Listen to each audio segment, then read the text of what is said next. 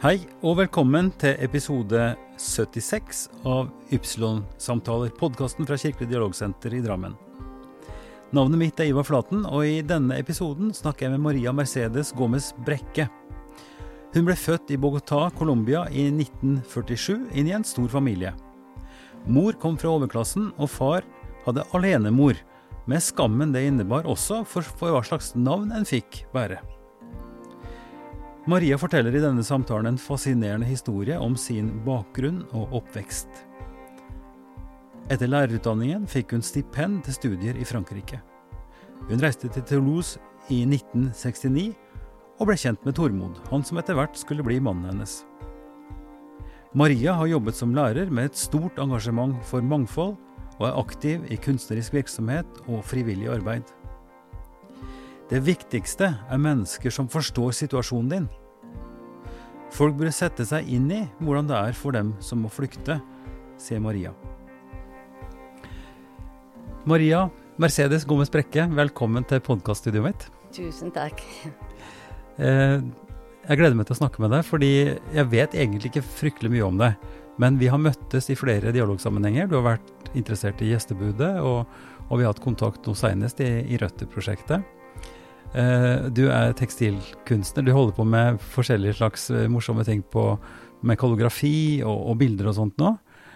Eh, så jeg har lyst til å bli mer kjent med deg, og det tror jeg også mange andre som hører på har lyst til. Si litt om For det første, når, når kom du til Norge, Maria? Ja, jeg kom til Norge 1. august 1973. Jaha. Og det var Vi kom fra Paris, okay. Tormod og jeg. Mm -hmm. Fordi vi hadde møttes eh, Det vil si, vi har et forhold til Frankrike. For i 1969 så ble jeg kjent med Tormod i Toulouse, Aha. hvor jeg studerte, og han også. Ja. Men seinere så var jeg eh, Hva heter det Assistent mm. språk mm. Eller jo, språkassistent i en lycée i Paris. Mm -hmm. Og da var jeg ferdig denne sommeren 73. Og språkassistent, eh, lycée det er samme som gymnas, er det ikke det? Ja. Omtrent. Og det var bare å hjelpe Det var hjelpelærer ja. til den spanske lærer som var, var egentlig fransk. Ja. Så, du traff Tormod, han som var mannen din, i Frankrike? Ja, og det er en spesiell historie. Fortell. Ja, fordi jeg mm, studerte Jeg kan begynne med at jeg forteller jeg er fra Colombia. Mm. Jeg ble født i Bogotá mm i 1947. Mm. Og jeg Ja, i en stor familie. Ja. Åtte unger var vi. Oi, oi. Ja. Og det er noe spesielt at foreldrene mine var jo fra to forskjellige klasser. Sånne sosiale klasser. Min mor tilhørte egentlig overklasse, eller de som var ganske uh, velstående. Mm.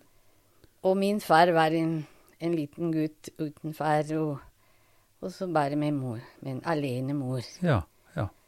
Og, og, men han var alle tiders mann. Han var en virkelig snill og hel ved, ja. nesten. Hel ved, som vi sier. Ja. ja. Mm. Og så ble de kjent, eh, de gifte seg. Da, da, var min far 35 år og min mor 24. Ja. Og de fikk, eh, de fikk et hus. De fikk penger til å stifte en bokhandel. Mm -hmm. Og så, ja, så begynte det å komme unger. Ja. Men, og, men fortell meg litt om altså den klasseforskjellen. Eh, betyr det at det var påtagelig, eller at det var en viktig sak? Var det et problem for disse ja, foreldrene dine? Det er sikkert fordi det, Du vet at det å være uten, det er for, uten far ja. sånn, eh, Det vil si sønnen av en alenemor mm. var veldig skammelig, og ja, fryktelig skammelig på den tiden. Mm. Men siden min far var så ærlig, så han fortalte svigerfaren sin hvor han kom fra og sånn. Og mm.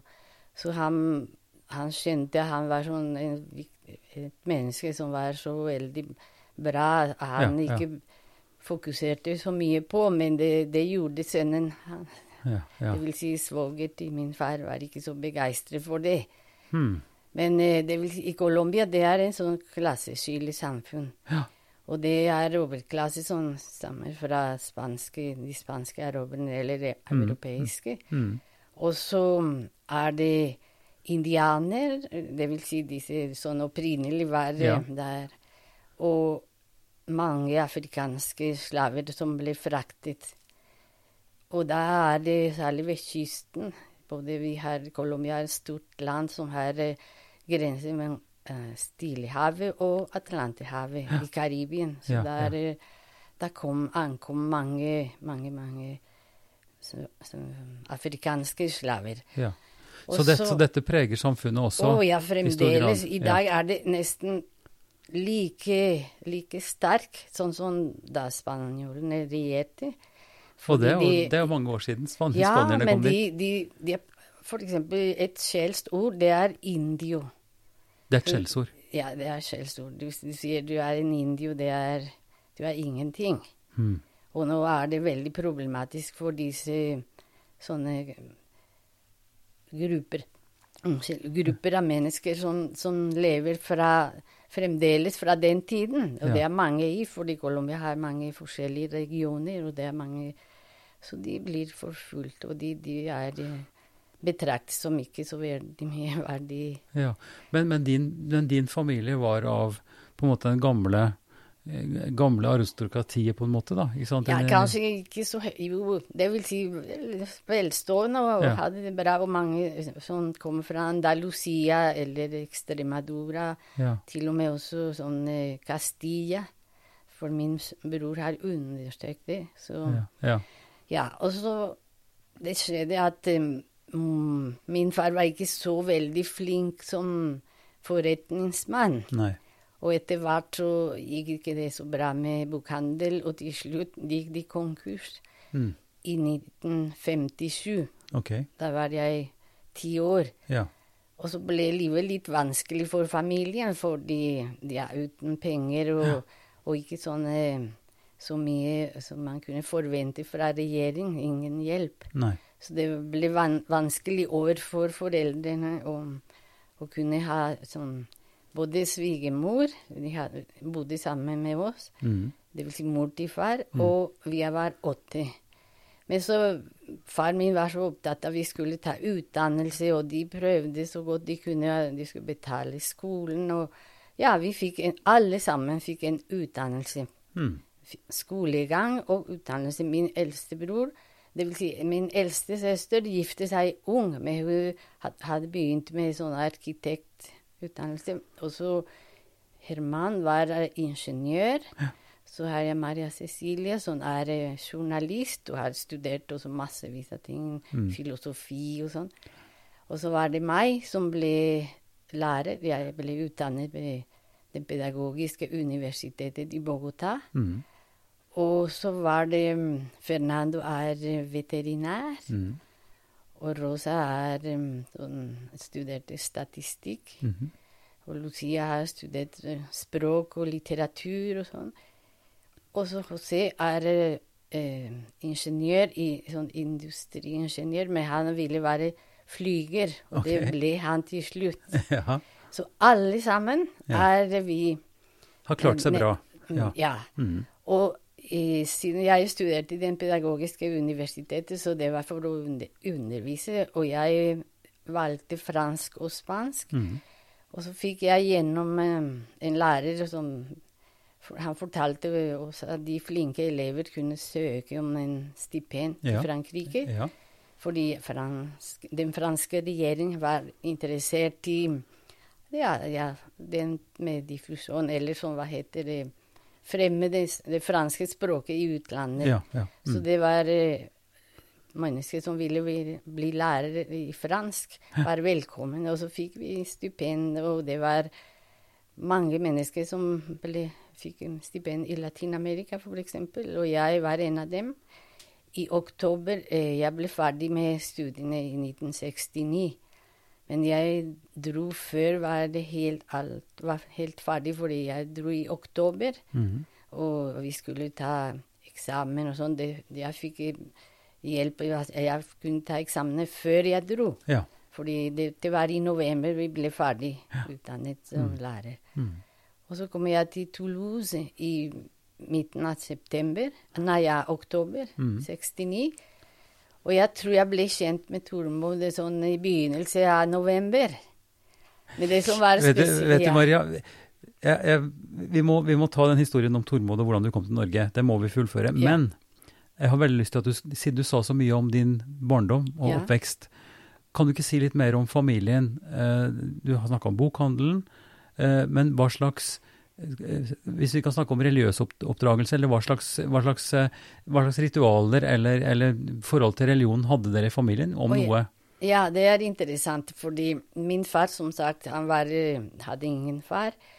Og han, som liten, så han eh, kom sammen med, med sånn bevegelse Hva heter det? Nei, ikke bevegelse, men det er en um, speider. Ja. Speidergutter. Ja, ja. Mhm, mhm.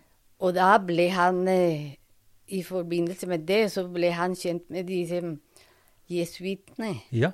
mhm. Fordi de var kanskje ja, involvert i dette her. Jesuittene, for de som ikke vet det, så er jo det en veldig viktig del av en katolsk, en katolsk orden. Ja, veldig Startet av sånn Ignatius Loyola, og, og som, har, som jobber veldig tett på kulturene, ofte blir en del av de lokale kulturene veldig Ja, tidlig. de har, har sett som veldig høyt eh, Ja.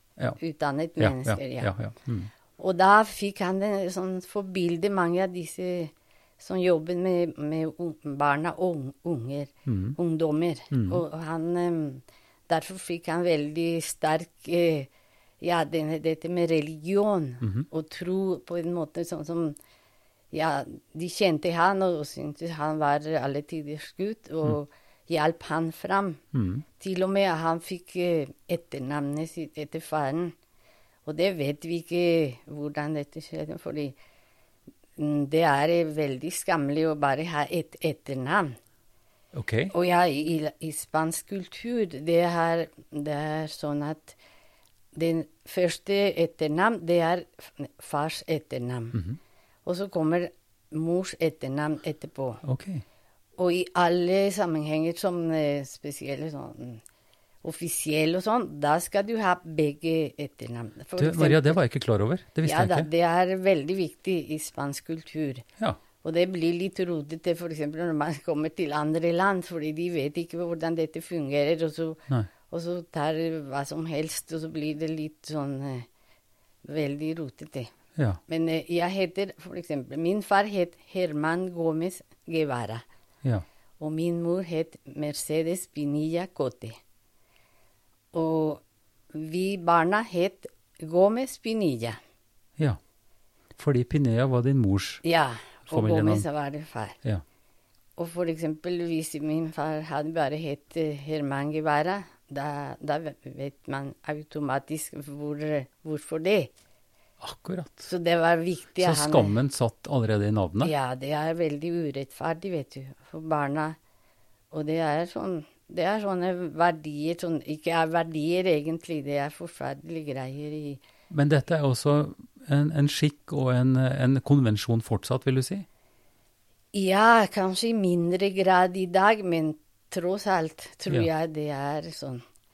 Derfor er det så viktig med disse to. Men det betyr at, at jesuittene som din far eh, hadde som forbilde, de ga han respekt, eller ga hans verdighet, ved Ja. at han fikk familienavnet, eller fars navn? Ja, det tror jeg. Og så, og så hjalp han eh, ja, han, Og så han var veldig selv eh, interessert i å studere og lese mye, selv om han ikke fikk mer enn de første fem årens skolegang. Mm. Og han prøvde å lese så mye og sånn. Han eh, hadde sine forbilder sikkert av disse jesuittene som Og så de oppmuntret han, og det, det ble han. Han ble en veldig flink mann. Og, ja. Ja. Men eh, selvfølgelig, med denne mm, selvtilliten var kanskje ikke toppen for en mann som skal være forretningsmann. Mm. Og derfor ble det Ja, det gikk galt. Ja. Men, eh, men sånn er det. Så det var veldig Men de var ikke så veldig sånn strengte katolikker, sånn Nei. fanatisk. Kanskje Jeg vet ikke. Nei, vi var ganske frie. Jeg fikk lov å å reise til Frankrike. Da var jeg bare 22 år. Men det gjaldt ikke dette med Selv om du er kan være 50 år, og hvis du bor hjemme hos foreldre Det er mange som gjør det. Ja. Og da Men, men eh, altså, i forhold til vanlige eh, ukedager og sånn, var, var det vanlig at dere gikk til messe i familien, eller var det noe som ikke var vanlig? ja, ja. Hver søndag, vet du. Ja. Så, og så um, veldig ofte det å, å be det som heter eh, fem Hva heter det? Ave? Maria? Nei, ikke bare det. Det er um, noe sånn alle katolikker gjør med sånn Rosenkrans? Rosenkrantz? ja. Ja. ja. Å ja, det, er, det var ofte min far. Og rosenkrans det er et perlekjede som har små perler på, som du tar eh, et, et Ave Maria, kanskje fi, Ti ti. Ave Maria, og så et Fader vår. Ja, og så stopper man og, og tenker på Det er flere mysterier. Det er 15. Ja. Men eh, det brukes tre, eh, fem av gangen. Ja. Så det, det er de som heter Det som forteller om Jesus' fødsel og sånn. Ja. Og så det Jesus' eh, korsfestelse. ja. Og, og etterpå, når da Jesus ble- eh, Opps- oppstandelse, oppstandelse, om ja, ja. Disse, tre, disse tre er eh, delt i fem Mhm. episoder, ikke Mm, sant? Og du stopper du ti ganger, og så Fader vår, og så de Og vi ungene syntes det var så kjedelig, vet du. Det vil jeg tro. Og vi ventet og ventet og, og til det ble ah, Nå er det slutt. Og så nei, ikke bare slutt, for det, var også masse andre ting som man sa um, Letanier heter det. Ja, ja. Litanier, det er klagebønner, eller og du, eller- det var på latinsk. Ja. Det var på den tiden. var på Men hvor, hvor lærte du dette? Hvor, var det noe som dine foreldre lærte deg, eller lærte du ja, det på skolen? Ja, det eller? var hjemme. Og jeg på skolen også fordi vi ble plassert på sånne hos noner. Ja. Og, og så brødrene mine hos prester. De har mange skoler, vet du. Det Ja. var private skoler. ja. Nei, og så Du blir eh, sånn matted, med bare sånn mye religion og mye Ja. sånn Men, men det betyr at dere var på en måte slitne av det, eller, eller syntes at dette var mer stress enn en godt, på en måte? Jo, det gjorde det iallfall for eh, brødrene mine var ikke så veldig begeistret for det. Iallfall etter hvert, da de Nei. vokste sånn, ja. sånn ble Men det betyr at, at hele familien, så du er oppvokst i en katolsk tradisjon og har fått Ja. eh, sterk opplæring, grunnleggende eh, opplæring i, i Ja, religion. men jeg har de gode minner. Ja. Det er fra jul. ja. julefeiring. For Mhm. det var veldig sånn magisk. Selv om vi måtte også be hele rosenkrans, men allikevel. Vi ventet når den er ferdig, og så skal vi ha det gøy. Mhm. Men, eh, men så var det særlig å julekrybe. Det Ja, var en ja. stor begivenhet for oss barn. ja, og nå har vi jo fått en sånn flott julekrybe på Bragnes, Ja, ikke sant, som en det kollega en fikk. Jeg har med meg denne tradisjonen, fordi den er veldig positiv. Det Og det har et, har et eget navn, ikke sant? Hva heter det? Ja, det, i Spania kaller de Belén, Ja, Belén. men Belén. i Colombia kaller vi pesebre. Jaha. Fordi det er der hvor Jesus ble født. Eh, Ja. sånn, mm. der hvor, hvor man eh, hadde Vugge? Nei, ikke vugge, men det, det er sånn der, hvor dyr eh, Ja, kryb, krybbe. Krybe. Ja, Ja, det er krybbe. det. Ja, Det, ja, krybbe. det er ordet krybbe som, som vi bruker. Det Ja, er ja. Ja. Men um, spanjolene sier Belén. Belén.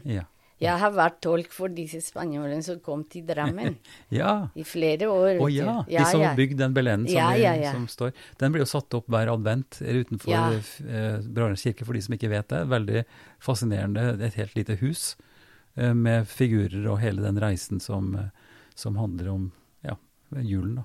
Nei, også vi, mora for, mor for, har fortalt at um, det var eh, Jesus barn som kom med presanger. Ja. Og at, at vi måtte skrive et brev og sette den under soveputet, sovepute. Og så vi, vi gjorde det. Og vi, da vi våknet, og det var ingenting Det var Mor sa det er fordi det, en engel kom og hentet dem. Så det var veldig sånn magisk. Eh, Ja. Jul var iallfall en veldig fin periode periode for oss. Ja. Selv om dette her med Vi måtte jo med den berømmelige rosenkrans, men ja. Og det var et ritual som dere måtte gjennomføre hjemme. Ja, er hjemme, så, Ja. men det, vi syntes det var veldig gøy, for det begynte 16. desember. Mm. Nei, man begynte å bygge allerede den 8. desember. Det er en sånn stor katolsk eh, feiring Mhm. Av jomfru Maria Jeg husker ikke hva heter. Nei. Konsepsjon. Ja. Mm. Mm. Ja, og så den er Unnfangelse. Ja, Mm. eh, nei. Hun er eh, født uten skyld. Ja, ja. Mm. Ja. ja, ja. Og, og da hadde vi begynt å, bygge julekrybbe, og, så- og så begynte vi å synge og, og be en spesiell ting som er eh, veldig colombiansk. Det heter novena de aguinaldo. Det er ni dager før eh, julaften. Mm. Så begynner man eh, å be masse forskjellig komplisert med masse en sånn mange ord som barna ikke forstår. Men eh, det er en tradisjon som vi gjør fremdeles. Ja. Selv om folk ikke har så mye er ikke praktiserende så, eh, katolikker, men de Men dette, bruker men det. dette ja. bruker de. Mm. Novena betyr jo ni. Så det er Ni altså dager, ni ja. dager, ja. Og så var det julaften, det var magisk, og det vi skulle Til og med, vet du, de tok oss til midnattmesse. Mm. Og barna, vet du, dattera mi sier det var ikke så veldig sånn barnevennlig akkurat å ta sånne små unger til kirken midt på natta. Midt på natta. Og så du er så trøtt, vet du. Men Elena, min eldste søster, hun er født i, 1917, i 1942. Så hun husket eh, veldig godt at de var hos de fransiskanene. Ja. For det er Franciscus som Mm. hadde opprinnelse i Ja. det om, om julekrymet. Og så uh, at det fra der hvor det orgel er Og så hadde de et, et tråd, og så begynte plutselig å det, Jesus han kom fram til julekrymet som var ved alter. Ja. Og Elena trodde å, det er sant, det er Jesus som kommer nå. Som flyr gjennom luften. Ja. Kommer flygende. Ja. Oi. Ja da. Ja, men jul, det er jo sånn som hos oss i Norge også, hvor jula har en veldig, veldig sterk posisjon. Eh, men mer som en familiebegivenhet, og min, i mindre grad de religiøse skikkene som du beskriver. Ja. hadde. Eh, men men veld, veldig, veldig sterkt. Og så klart med, for mange også med en gudstjeneste i, i, i kirken som en del av dette. Så det, så det er likt. Men jeg kunne også tenke meg, Maria, at du, du kunne si litt om hvordan det var å være en liten jente. Altså hvor, hva, hvordan lekte dere? Hvordan var det å vokse opp eh, i, i Bogotá, eh, i nabolaget deres? Eh, Ja, hva, hva på den på tiden med? var byen eh, my, mye mindre enn det er Ja. i dag. Og det var ikke så mange biler. Og så vi hadde et sånn veldig stort hus, og vi hadde sånn trehjulssykler. Vi kunne kjøre fram Det, som er et sånn spansk begrep for eh, en sånn gå, eh, eh, gårdsplass, men inni huset. Ja. Så det heter patio. Ja, og vi patio. hadde to Mm. patios. Og så enda en til som var for planter og for å Sånn der sted hvor man vasket klær. Ja. Og, og da var det ganske mye plass til disse ungene som vokste etter hvert. ja. Så vi kjørte fram og tilbake med denne trehjulssykkelen som var stor, og, og vi kunne sitte En, en sto bak, og Nei, det var veldig gøy, og ja, ja, vi hadde det veldig fint. Og det var Jeg er nummer fire i rekken. Og før det var det Elena den eldste, og så ble en bror, Herman, og så Maria C. Og jeg var um, ja, nesten bare halvannet år eh, forskjell mm. for alder. Og så kommer Fernando, som ble min beste venn. Så Mhm. vi var nesten Vi sa vi var tv tvillinger. Ja, ja. Og så var jeg veldig eh, sånn skjør, veldig sånn Man skulle passe på meg, fordi jeg vet ikke Jeg var vel ofte syk og, Mm. og sånn. Og så, da jeg gikk i annen klasse, så var det en lang reise med buss, og jeg ble ja, egentlig jeg har et problem sånn, med leveren som Ja. ikke fungerer så bra. Så jeg tror derfor jeg fikk en gang sånn veldig migrene, og så bare åtte år gammel. Så min far sa at nei, kanskje hun, hun orker ikke denne lange reisen. Og så jeg ble eh, ja, Der sluttet jeg på skolen, og istedenfor fikk jeg en lærer hjemme. Oi. Så Og han var en mann som fra 1800-tallet, som var veldig gammel, og sa til meg Frøken, Ja. senorita, sa til meg. Jeg var åtte år. Og, og så veldig, veldig grundig. Så, Ja. så, og broren min, da, neste år, så sa min far at vi kan fremdeles ha samme lærer for, for Maria. Ja, Og, ja. Nei, jeg het ikke Maria. Han kalte meg Tita. Ja. Jeg vet ikke hvorfor. Og, og så Fernando sa å, jeg kan jeg få lov å være også at Vi kan få samme lærer. Og så han slapp eh, å gå på skolen. Mm. Og det gjorde fa- Far sa ja, det kan dere godt. Så det var så gøy, vet du. Vi var sammen, og vi, vi gjorde alt mulig. Vi klatret på murer og trær og sånn hjemme i- bakerst i gården. Og, og det, det som vi gjorde til, til helt sist, det var å, å gjøre lekser. Ja. Og mor hadde ikke så mye tid til å vite hva driver dere med, så, så mange unger. Så vi, halv time før eh, han kom, vi så han gikk av bussen, og det var langt av gårde. Og vi så Nå kommer læreren! Oi, nå skal vi uh, lage en sånn matte Vi hadde alle, alle fag Mm. Med han. Men eh, jeg kunne komme tilbake til skolen og fortsette i Ja. samme Så han klasse var som god lærer, og du fikk lære mye. og, vi hadde, og det var i 1956. Og Fernando og jeg sa det, det beste året i livet vårt, det var 1956. Ja. Fordi vi hadde det så gøy sammen. Ha. Men det var det året som det gikk veldig dårlig med bokhandel, men det visste ikke vi. Nei. Vi syntes det var så gøy å være i bokhandel til far. Ja. Og alle syntes det var Oi, der, vi fikk lov å være der og en ettermiddag og sånn. Det var så stas, vet du. Et, et, et, stort, et stort rom med masse bøker. Var det Ja flere? da, det var også en sånn korridor, og vi, vi gjorde masse rart. Og vi skulle gjøre en sånn skremme han som var eh, sånn ekspeditør. Ja. Så vi satt mange kartonger, og vi skulle åpne en dør, og så kom de kartongene over på hodet hans. Det var min bror som var Så han var ikke Vet, vet du hva jeg husker en gang? Vi hadde, Bestemora mi hadde høns, høns Ja, og- høns, ja. Mm. og så en sånn hane. Mm. Og hanen var så slem. Han, hver gang jeg kom inn, han begynte å hakke på beina mine. vet du. Så Fernando sa nei, nå må vi skremme han.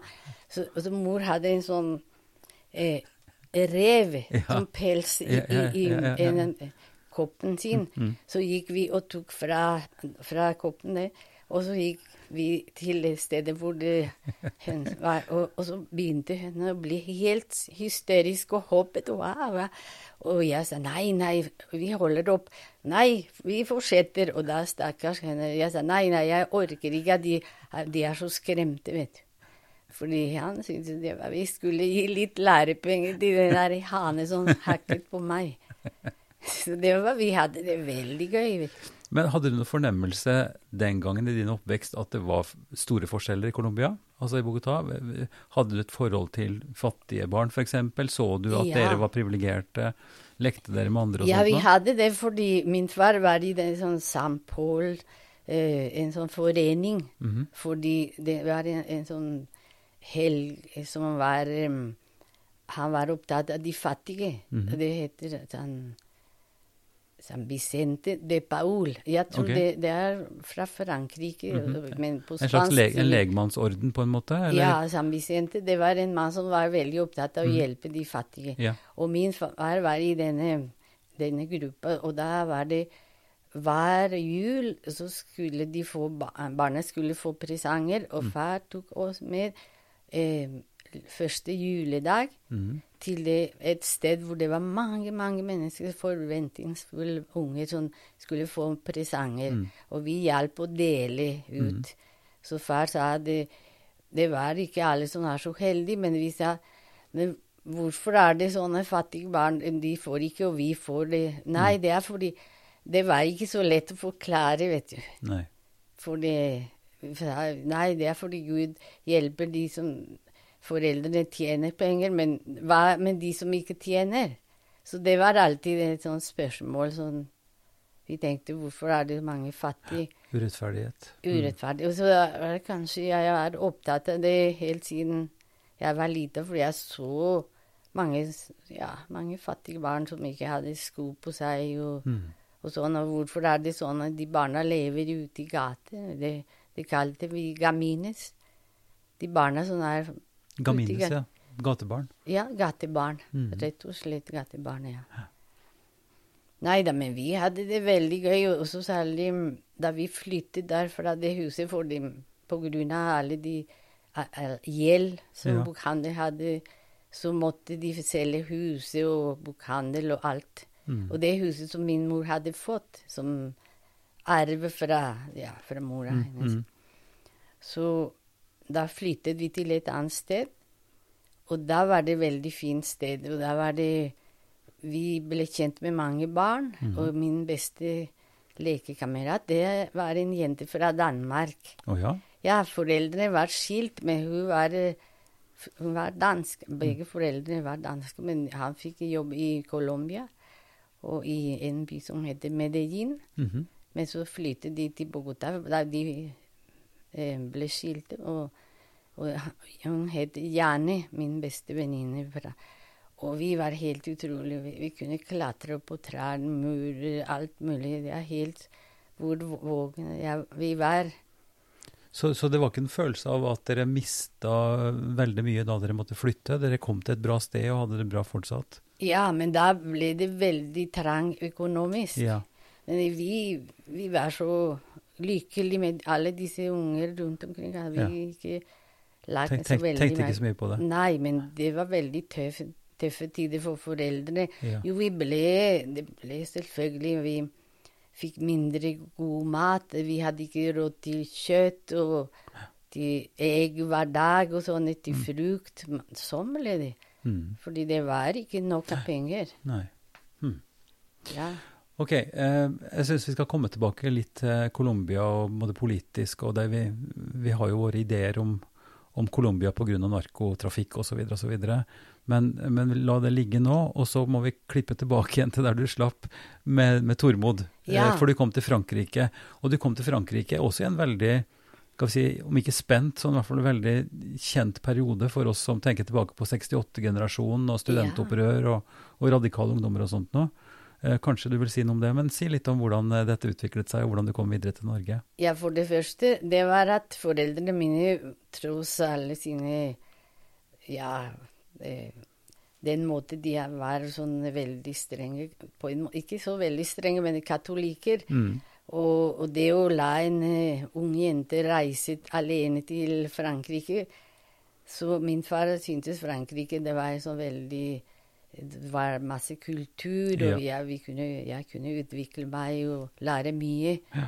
Så det var ikke noe problem for dem. De syntes det var veldig fint at jeg hadde fått eh, stipendet. Mm. Og så reiste jeg mm, eh, i oktober. Det var første gang jeg eh, hadde eh, tatt fly. Jeg hadde aldri reist fly, og denne gangen var, skulle flyet lande i Paris. Mm. Så jeg, dette var utrolig. Så jeg begynte å bli litt nervøs på grunn av at er det et, egentlig det jeg ønsker? Det? Ja, Å være alene og komme til et fremmed land med et fremmed språk. Og jeg som hadde ikke så mye erfaring, jeg var veldig beskyttet. Jeg hadde vokst opp i en veldig beskyttet miljø. Ja, så ble, begynte jeg å bli litt nervøs. Så kom jeg til Toulouse, og da var det år etter 68. Mm. Og da var det alt var det annerledes da. Da hadde jeg begynt å Og jeg hadde aldri hatt noe sånn kjæreste. Nei. Og så var jeg litt redd egentlig for gutter. Jeg, hvordan jeg Ja. Så det var Plutselig var jeg veldig sånn Mange var interessert i meg, så jeg, jeg fikk litt sånn nesten panikk, vet du. Men så eh, Jeg hadde vært i samme fly med noen gutter fra Colombia, og ja, og da ble jeg kjent med dem, og, og så det var veldig lett å bli kjent med folk, fordi det var mange studenter som sto i kø på Vi hadde en ordning med sånn um, universitetsrestaurant. Ja. Det kostet en, en frank 65 øre å, å betale én middag. Mm. Også i Frankrike det er to, to måltider, det vil si midt på dagen og så på kvelden. Ja. Og der sto man i kø, og det er mange forskjellige sånne restauranter rundt omkring i byen. Mm. Og så var det veldig lett å begynne å prate med studentene, og så ble man kjent med alle mulige mennesker, alle mulige raser og skikker og språk og alt. Så det var veldig spennende. Mm. Litt skremmende i begynnelsen, vet du, men altså jeg, jeg, de hadde blitt kjent eh, Tormod hadde blitt kjent med en av disse latinamerikanerne. Så vi satt på, på kafé. Det var mm. også veldig morsomt å komme på kafé. Og, mm. og da kom jeg inn på kafé med en, en colombiansk gutt. og han traff den andre som var fra Den dominikanske republikken. Mm. Og da satt Tormod ved siden av denne gutten. Mm. Og så ja, jeg ble presentert, og han sa jeg er fra Norge. Ja, hva? hva er det for noe? Jeg visste ikke at Norge het Norge på fransk. Nei.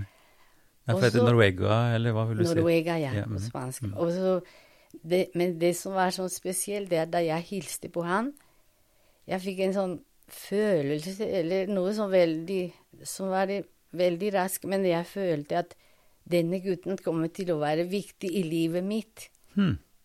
Det var helt utrolig. Så mm.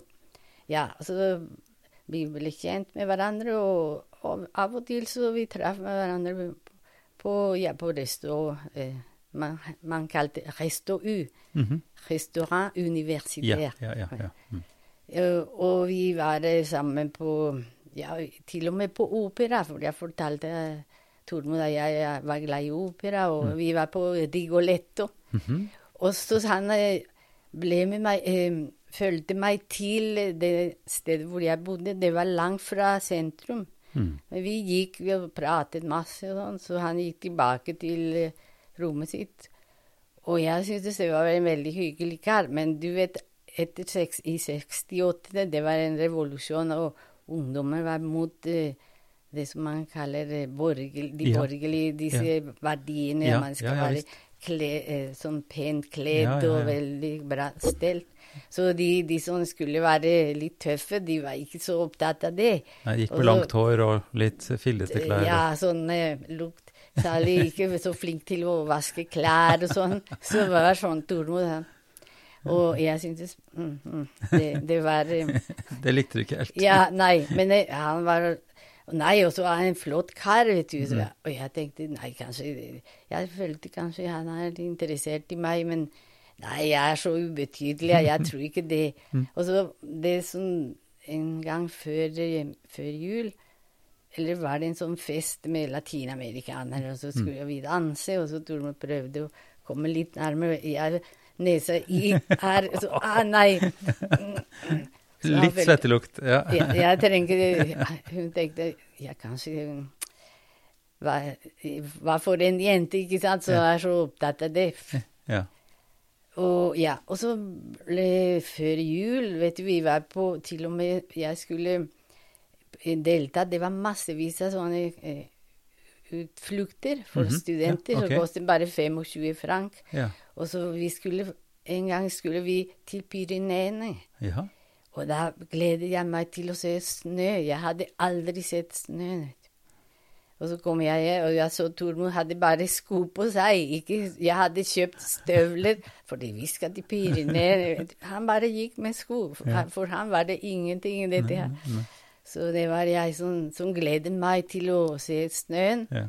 Så har jeg fått nok av snøen i Norge, vet du. Nei, og så etter jul så er vi litt sånn Vi hilste på hverandre og pratet mm, litt, mm. men vi tilhørte to grupper. Han gikk sammen med andre studenter, og jeg men, mm. Så det ble sånn at vi ble nesten skilt etter hvert, mm. og ikke så hverandre så mye.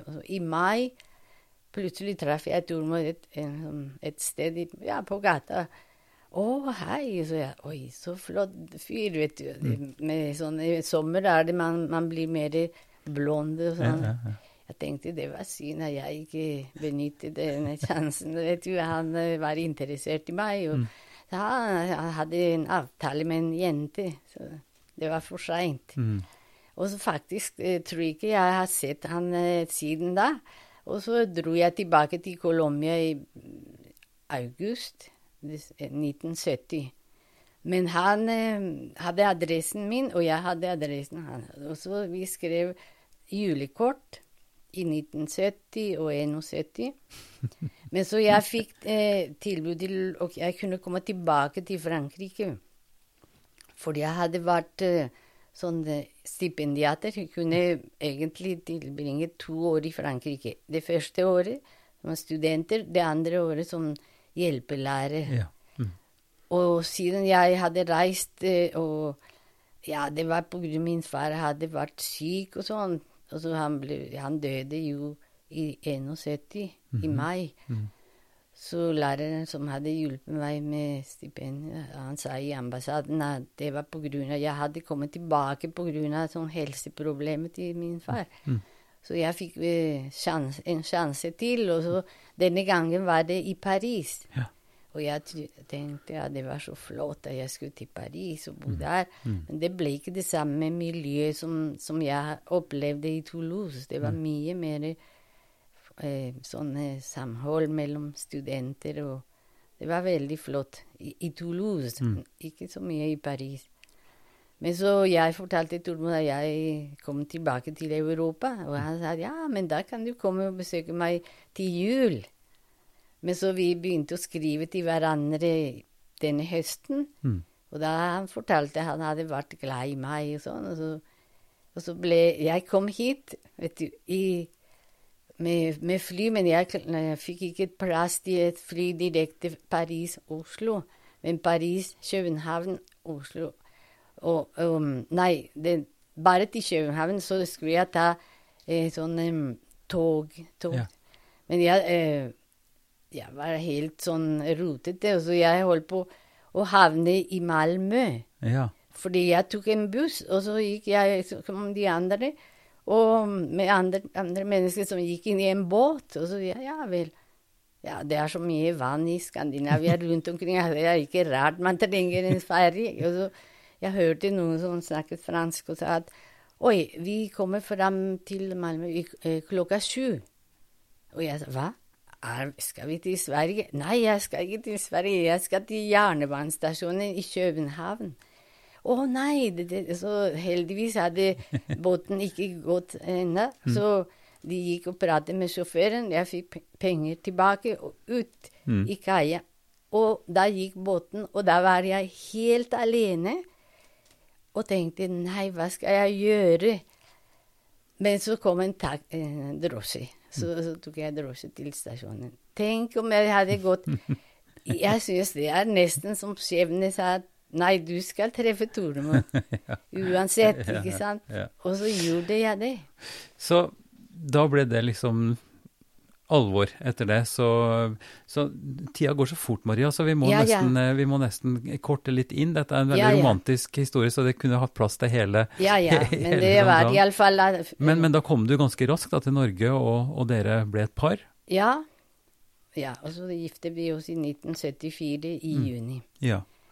Men, men karrieren din her, eh, for da måtte du lære norsk, og, Ja. og du måtte jobbe her. Si litt om hvordan det var. Ja, jeg har vært veldig heldig, fordi jeg kom eh, i august, og så allerede i september så Tormod skulle være lærer i fri undervisning. Så var det han og skulle prate med lærere. Han skulle undervise i fransk. Og det viste seg at han, eh, ja, kona til denne læreren de kunne fransk, og jeg kunne snakke med dem. Så hun var eh, iallfall avdelingssjef for en punsjedamer. På Vest Viken EDB sentral. Ja, ja, punching, det var det man drev med i gamle dager. Som Ja, det var før, det før datamaskin, Ja, ja. ikke sant? Og det var sånn at man måtte bare Lage hullkort. Ja, det var så kjedelig. Du burde bare trykke nesten bare tall, Ja, og så hele dagen. ja. Men så ja, hun sa «Ah, jeg trenger en, en jente til. Kan, ja, hun sa til Tormod, for jeg skjønte ikke så mye, vet du. Så jeg skjønte ikke så mye norsk. Hun sa «Ah, hun kan komme tilbake og få litt opplæring. Og Tormod var med meg, og så jeg lærte i løpet av en, en uke, så fikk den jobben. Og da fikk jeg sjanse til å lære litt bedre norsk. Mm. Men jeg må si når det gjelder norsk, er jeg ikke så utrolig flink. Hvis jeg sier at jeg har bodd i Norge i 48 år, fordi det språket jeg snakker til daglig, det er spansk. ja. For Tormod er veldig flink i språk, og han allerede da jeg kom til Norge, eller på besøk, Ja. den- og vi skrev hverandre på spansk, så det har vært eh, ja. Så det er deres språk er spansk? ja, ja. fordi det er også en del av min identitet. Ja. Og siden jeg jo har bodd her eh, Så det var, det var, noe jeg skulle beholde, og det er språket, ja. selvfølgelig. Ja, ja. Men det gikk bra, og så fikk jeg denne jobben. Og egentlig har jeg alltid fått uh, tilbud til jobber, fordi etter det så ble det kupp i Chile, og så begynte det å komme flyktninger fra Chile. Og selv om jeg ikke hadde så veldig store kunnskaper i, i norsk, kunne være litt hjelp å være sånn, ja. en slags tolk for chilenske flyktninger. Og det har vært uh, ja, og uh, sånn lærer for disse chilenske barn. Ja. Ja, så Så du har hatt eh, jobb som lærer og oversetter og tolk? Ja, altså og... jeg for eksempel fikk eh, til og med rektor fra St. Halvard videregående ringte mm. meg en gang og sa at eh, vi trenger en spansk lærer. Og, og da Det var i 1989. Mm. Og siden så jeg fikk eh, fast jobb der. Ja. Fordi jeg hadde jo godkjent utdannelse. Mm etter hvert så mm. jeg søkte om det. Tormod oversatt alt til norsk. Ja. Så han har vært min eh, stor hjelp og støtte, ja. vet du. Så ja. han har oversatt alt og Ja. Så da var det ikke problem. Da fikk jeg godkjent min utdannelse som sånn adjunkt. Nei, jeg, fikk, jeg måtte ta litt uh, tilleggsutdannelse. Jeg tok et, et fag i um, samfunnskunnskap. Ja og seinere migrasjonspedagogikk, mm. og seinere menneskerettigheter. To mm. år på, og, um, sånn, Høgskolen i, høyskolen i Buskerud. Ja. Det som heter USN nå. Ja. Mm. Og jeg har jobbet Jeg har vært veldig interessert i dette her med rettferdighet, eller urettferdighet i ja. verden. Derfor ja. jeg har vært så opptatt av at f.eks. hjelpe folk som kommer til Norge fordi de, jeg følte hvordan det så vanskelig det var å komme til et fremmede land. Ja. Som er så fremmede i forhold til mange andre kulturer. Ja. Frankrike var litt fremmede for meg, men ikke så i stor, i så stor Fordi grad som Norge. Fordi det var et katolsk land? Og, og ja, og så er det latinsk. Ja. Og, så, men Norge var det helt uten hva, hva, hva, var den store overraskelsen å komme til Norge? Hva var det rareste på en måte, eller det du reagerte mest på? Ja, selve f.eks. måltider. At man ikke spiser middag, sånn skikkelig middag midt på dagen, og så ikke skikkelig måltider på, på kvelden. Det var det som Iallfall hos familien til Tormod. Jeg syntes det var Jeg var så sulten sånn fordi jeg var opptatt av var um, vant til uh, sånn i Frankrike, det måltiden er midt på dagen og seinere. Ja, for da er det en varm lunsj ja. midt på dagen og en varm middag på kvelden. På kvelden, ja. ja. Mm. Og mm, så var det så stusslig med med det utvalget av grønnsaker og frukt. Og ja. det savner jeg fremdeles, fordi jeg kommer fra det landet i verden som kanskje har mest utvalg av frukt. Ja. Jeg har kjøpt en bok i Colombia, og der var det en som hadde klassifisert 150 slags frukt. Ja.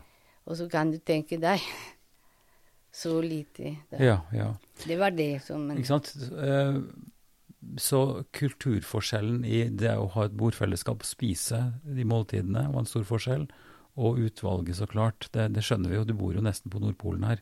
Så ja, det liksom var, og den, i hvert fall i begynnelsen, da, så var det veldig mye mindre utvalg. Selv om ja, du fortsatt ja. kritiserer det, så var det jo Det er jo vesentlig bedre nå enn det var for uh, eh, 20-30-40 år siden. Nei, det var stor eh, forandring. For jeg har bodd i Paris i ja, la oss si ti måneder, og så kommer jeg til et land hvor man stengte butikkene halv fem, og alt var sånn Det var så annerledes. Ja og ja, uten språk og sånn. Men, eh, men, når du nå tenker på de som kommer altså det, er jo, det er jo noe som har preget de siste årene, at vi har hatt mye migrasjon, og det øker vel sikkert også. Ja. Både fra Syria og nå fra Afghanistan, etter det forferdelige som skjedde der. Eh, men hva, hva tenker du, hva er det viktigste, da? Eh, ut fra din erfaring, som er nødvendig for folk som kommer utenfra sånn? Ja, det viktigste er at man får iallfall et sånn støtte fra mennesker som forstår situasjonen. Fordi jeg hadde ikke disse traumatiske opplevelser sånn som flyktninger har. Fordi jeg kom frivillig for kjærlighet, og det var noe bra. Men, og også en sterk relasjon til Norge og norsk familie pga. mannen Ja, ikke sant. Men, mm. Og jeg ble veldig bra mottatt av foreldrene til Tormod. Ja. Det er jeg veldig takknemlig for. Men eh, nei, jeg synes det er, det er så viktig å, å sette seg og, og forstå den alt, alt, er så fremmed, og man er eh, Da blir man veldig sårbar og veldig sånn lett for å, for å gråte, for å bli lei seg. Ja. Mm. Og hvis man ikke har mennesker som hjelper, det er veldig trist. Og det er klart at det er mange men gode mennesker som hjelper, heldigvis. Mm. Fordi vi har f.eks. språkkafé, og, og, mm. jeg er opptatt av det. Jeg deltar som frivillig. Mm. Og, og, jeg føler at det er så godt å, å gi sånn Ja, bry seg om det. Hvordan ja har du det i dag, og, mm. og jeg forstår din situasjon og sånn. Ja. Mm. Det er så viktig. Og så at man eh, ser så Det skulle være veldig greit at man eh, fikk vite litt eh, årsakene til at folk flytter, f.eks. kommer til Norge. For mm. Norge er Det er en komplisert verden, og maktforholdene er så skje, sånn skjeve, ikke sant. Det er stor de, de mektige har altfor mye makt, og de, de, bestemmer overalt og gjør som de vil, og det er invasjoner, og det er mange sånne problemer som skaper flyktninger. Mm. Så det hadde vært veldig fint at folk kunne ha litt mer kunnskaper om hvorfor er det sånn, og de kommer fra Afrika, fra Midtøsten, fra Latin-Amerika. Så hvorfor er det? Så det, det ja, å se de store ja, sammenhenger Så du etterspør litt mer forståelse og litt mer innlevelse, kanskje, fra, ja, fra også, nordmenn? Ja, også kunnskaper, ja, fordi jeg tror at kunnskaper er så viktig for å, for å for, ja, forstå og, og, bli kanskje litt mer tolerant, eller gjøre noe med det, for mm. ikke bare å stenge dører og si nei, vi, vi tar ikke imot disse folk. for det er, det er komplisert, men når de er kommet, så er det viktig at man oppdager hva, ja alle de verdiene de har med seg. Ja, ja. Så, sånn som du gjør, at du, du fremmer dette her at uh, man skal bli kjent, og man skal uh, benytte seg av disse erfaringer som mm. gjør at mennesker er bedre og, blir mer tolerante, mer mm. sånn uh, glad i hverandre. Maria, vi må, vi må, snakke også om det store engasjementet du har, som i, etter at du ble pensjonist kanskje særlig, har ytra seg at du lager bilder. Og at du, at du, jobber med en slags politisk protest, eller et, uh, altså et, et, uttrykk for hvordan du ønsker at ting skal være gjennom kunsten din. Kan ikke du si litt om det?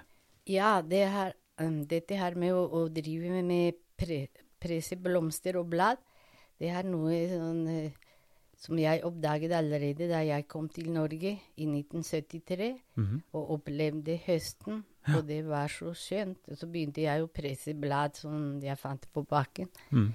Og siden har jeg gjort det, og har jobbet med mange forskjellige typer ja, måter å komponere på. Og med masse blomster og sånn. Men uh, i, helt, mm, i, i, denne perioden som pensjonist har jeg hatt veldig mye tid til å eksperimentere med forskjellige typer blad og, og andre ting fra naturen. Mm. Og så har jeg kommet fram til at det er veldig lett å, for meg å lage bilder som vil uttrykke Eller sånn som jeg, Det går veldig inn på meg, alle disse krig, f.eks. Irak og Syria og Libya og ja, overalt i verden. Og Afghanistan nå. Ja, og, ja. og så jeg har Særlig Syria har jeg vært noe som gjorde det så vondt. Det, det, å tenke et krig mot et land og så gjøre så mye skade. Og så har jeg laget et bilde av, av Syria som nesten hele landet er ødelagt. Og så det var noen som sa til meg at det er nesten å se et sånt flybilde fra Ja. Mm. Og det var vel, vellykket. Mm. Ja. Og da har jeg tenkt istedenfor med ord fordi hvis du begynner å forklare og sånn, så kanskje kan folk oppfatte på sin måte ting, og det kan bare by på masse misforståelser og oppfatninger. Mm, mm. Men et bilde kan si mye, mer enn tusen ord. Mm. Så jeg har laget et bilde av Jeg, jeg har um, tenkt jeg skal lage en av Libya, men jeg har ikke kommet så langt. Men jeg har laget Gaza og Palestina, og så Syria og Colombia. Og nå planlegger Jeg jobber med um, Jemen, også disse barn som Mm. sulter i hjel. Og en sånn um, Libanon. Mm. Den en fryktelig eksplosjon. Så jeg, jeg, jeg tar vare på avisutklipp og sånne bilder. Og så det gir meg inspirasjon for å komponere. Og jeg synes nå er det på tide jeg kanskje kunne vise fram disse Ja. bildene mine, fordi de gir uttrykk for noe som jeg føler veldig sterkt. At solidaritet med folk som lider så grusomt. Mm. Fordi jeg synes også det er en veldig misforståelse at man sier det er et krig mot terrorisme. Men eh, etter min oppfatning er at terror, terror eh, Krig er mye verre enn eh, bare en terroraksjon. Det er en sånn kontinuerlig terroraksjon mot et folk Mm. eller land. Som ødelegger så mye. Så jeg tror bildene kan, kan gjøre folk reflekterer og oppfatter litt bedre. Litt sånn Det, det er et, et kunstnerisk grep som kan eh, gi hjelp til å nærme seg de store Ja. utfordringene på en litt annen måte. Ja, fordi jeg selv har opplevd sånn, Altså bare du ser en glimt av et eller annet som gjør at du, du blir eh, litt rørt eller interessert, og, og så kan det være en begynnelse. Men, eh, men jeg tror vi må begynne å runde av, rett og slett. Ja, ja. Så, Mm. så, men, men da forstår jeg også litt ut fra det du sier nå med engasjementet for folk som kommer utenfra, som trenger hjelp til å bli kjent i en norsk kultur osv. At Ja. det også er grunnlaget for det engasjementet som du har vist da i, i dialogsammenheng, og grunnen til at du bidrar også så mye på det feltet. Du Ja, det, det vil jeg fortsette med, vet du. Fordi jeg synes det er absolutt eh, viktig. Hvis jeg kan fortelle siste Ja. eh, anekdote, det var da jeg jobbet på Galterius-skolen. Mm. i 80, på 80-tallet. Mm. Så var jeg ja, vi hadde, Jeg hadde morsmålundervisning, Mm. og det var etter skoletid. Mm. Så vi sluttet mm, sånn klokka fire, kanskje. Mm. Og det var noen elever eh, som ble fremdeles på skolen, og så da jeg gikk ned trappa for å komme meg ut, så de spyttet på meg fra ovenfra og sa 'Dra hjem, jævla pakkis'. Og jeg Oi. Jeg, jeg sa 'Å, jeg vet hvem dere er, og jeg skal fortelle det til rektor'. Mm. Og så gikk jeg, jeg kom hjem, og så ringte jeg til Kari Høyer. Mm. Kari Høyer Ja, var ja, ja. så rådgiver, eller ja. Og jeg fortalte det, og så sa jeg å nei, dette skal vi ikke tåle. Så det må det være noe Vi må gjøre noe med det. Og så hun undersøkte og klarte å finne hvem de var, de jentene. Og så vi ble konfrontert og sa hvorfor det, Dere vet ingenting om meg. Mm. Jeg er, bare fordi jeg har mørk hår, så, så sier dere jævlig Pakistan. Jeg, for det første, jeg er ikke fra Pakistan, men det er ingen unnskyldning. Det, det, ingen, eh, du vet ingenting. Om dere var i Afrika og ble kalt for et eller annet stygt fordi dere er mm, blonde eller sånn, det Så det ble, de ble avvist fra skolen i tre dager. Mhm. Men det var en veldig kjedelig episode. Også, sånn. Så man tror at de som er mørke, kanskje ikke er så flinke, fordi jeg kjenner en, min, en, Jeg har en venninne som er veldig, veldig dyktig biolog, med ja, sånn doktorgrad og sånn, og hun bodde sånn i Holmenkollen. Mm. Og, og så kom en dame i, i, i gangen til, til en sånn Du, nei forresten, du er så mørk at du har ikke greie på noen ting. Så disse forhold eh, Det, Ja. det å ha sånne fordommer, ikke sant Ja. det, Og det er, det, vi, det er jo det vi begge to er opptatt av, å, å, å komme forbi disse fordommene. Prøve å hjelpe folk til å Ja. åpne, å, åpne opp for å kunne forstå at verden er stor og kompleks, og at dette er en stor rikdom i, Ja. i, i fellesskapet. Og det jeg er takknemlig for at du også bidrar til, og det er veldig interessant å, å høre på det og, og snakke med deg nå, Maria. Tusen takk for en fin samtale. Ja, i like måte. Det var veldig fint å komme hit.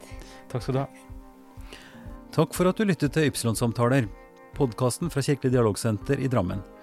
Vi gir normalt ut nye episoder hver torsdag, og du kan lytte til samtlige episoder ved å gå inn på ypsilonsamtaler.no. Vi er veldig glad for inspirasjon og tilbakemeldinger, og gjerne forslag til folk som du tenker vi kan snakke med. Podkasten er støtta av Drammen kommune, av Barne- og familiedepartementet og av Einar Juels legat. Velkommen til tilbakemeldinger som du kan sende til Ivar. Krøllalfa kirkeligdialogsenter.no. Vi høres.